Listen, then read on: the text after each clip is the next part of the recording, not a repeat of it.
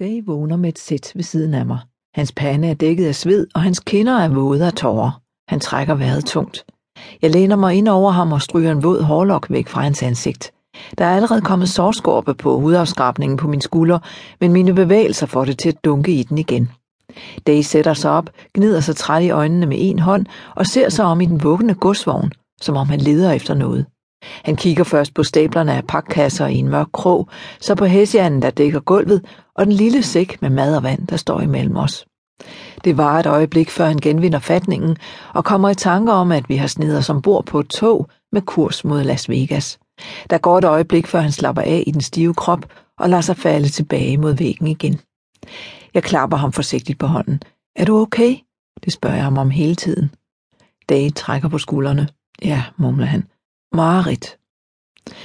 Der er gået ni dage siden vi brød ud af Batola Hole og slap ud af Los Angeles. Siden da har Day haft mareridt hver eneste gang han lukker øjnene.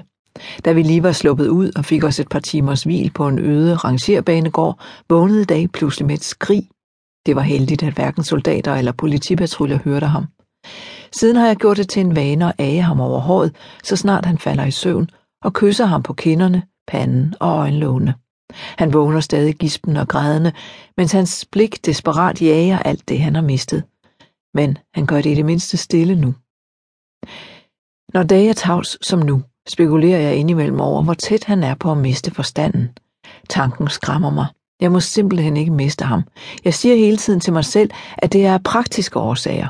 På nuværende tidspunkt har vi ikke store chancer for at overleve alene, og hans talenter supplerer mine.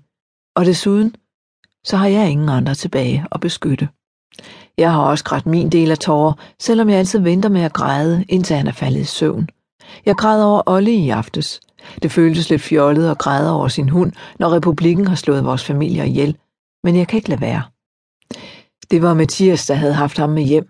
En hvid klump med enorme poter, slaskede ører og varme, brune øjne. Han var det sødeste og mest klodsede væsen, jeg nogensinde havde set. Olli var min dreng, og jeg havde lavet ham blive tilbage. Hvad drømte du om? visker jeg til Dag. Ikke noget, jeg kan huske. Dag skifter stilling og skærer sig en grimasse, da han ved et uheld skraber sit sårede ben mod gulvet. Han bliver stiv i kroppen af smerte, og jeg kan se, hvor spændte hans arme er under skjorten. Det er stærke, velformede muskler, han har erhvervet gennem livet på gaden. Han stønner anstrengt.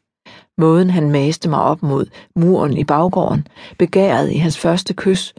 Jeg flytter mit stirrende blik fra hans mund og ryster for lejen erindringen af mig. Han nikker mod godsvognens dør. Hvor er vi henne? Vi må snart være der, ikke? Jeg rejser mig. Jeg er glad for at få noget andet at tænke på og støtter mig mod den rokkende væg, mens jeg stiger ud af godsvognens lille vindue. Landskabet har ikke forandret sig særlig meget. Endeløse rækker af tårnhøje etageejendomme og fabrikker, skorstene og gamle motorvejsbroer, som alle var farvet blå og gråviolet af eftermiddagsregnen. Vi er stadig på vej gennem slumsektorerne. De ligner næsten til forveksling slumkvartererne i Los Angeles. I det fjerne strækker en enorm dæmning sig halvvejs gennem mit synsfelt. Jeg venter til en storskærm stryger forbi og kniber så øjnene sammen for at læse de små bogstaver i det nederste hjørne på skærmen. Boulder City, Nevada, siger jeg. Vi er meget tæt på nu. Toget standser sikkert her et stykke tid, men derefter bør det ikke tage mere end 35 minutter, før vi ankommer til Vegas. Dage nikker. Han læner sig frem, binder madsækken op og leder efter noget at spise. Godt. Jo hurtigere vi når frem, jo hurtigere kan vi finde patrioterne. Han virker fjern.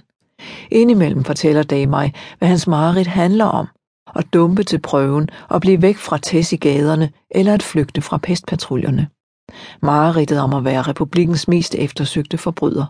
Andre gange, når han har det som nu og holder drømmene for sig selv, ved jeg, at de handler om hans familie, om hans mors eller Johns død.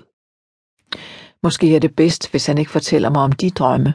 Det er nok, at jeg plager mine egne, og jeg er ikke sikker på, at jeg har mod til at høre om hans.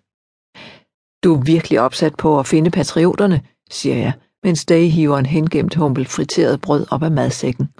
Det er ikke første gang, jeg har sat spørgsmålstegn ved hans insisteren på at tage til Las Vegas, og jeg er varsom, når jeg nærmer mig det emne. Day skal for alt i verden ikke tro, at jeg er ligeglad med Tess, eller at jeg er bange for at mødes med republikens berygtede gruppe af rebeller. Tess tog frivilligt med dem. Kan det blive farligt for hende, hvis vi forsøger at få hende tilbage?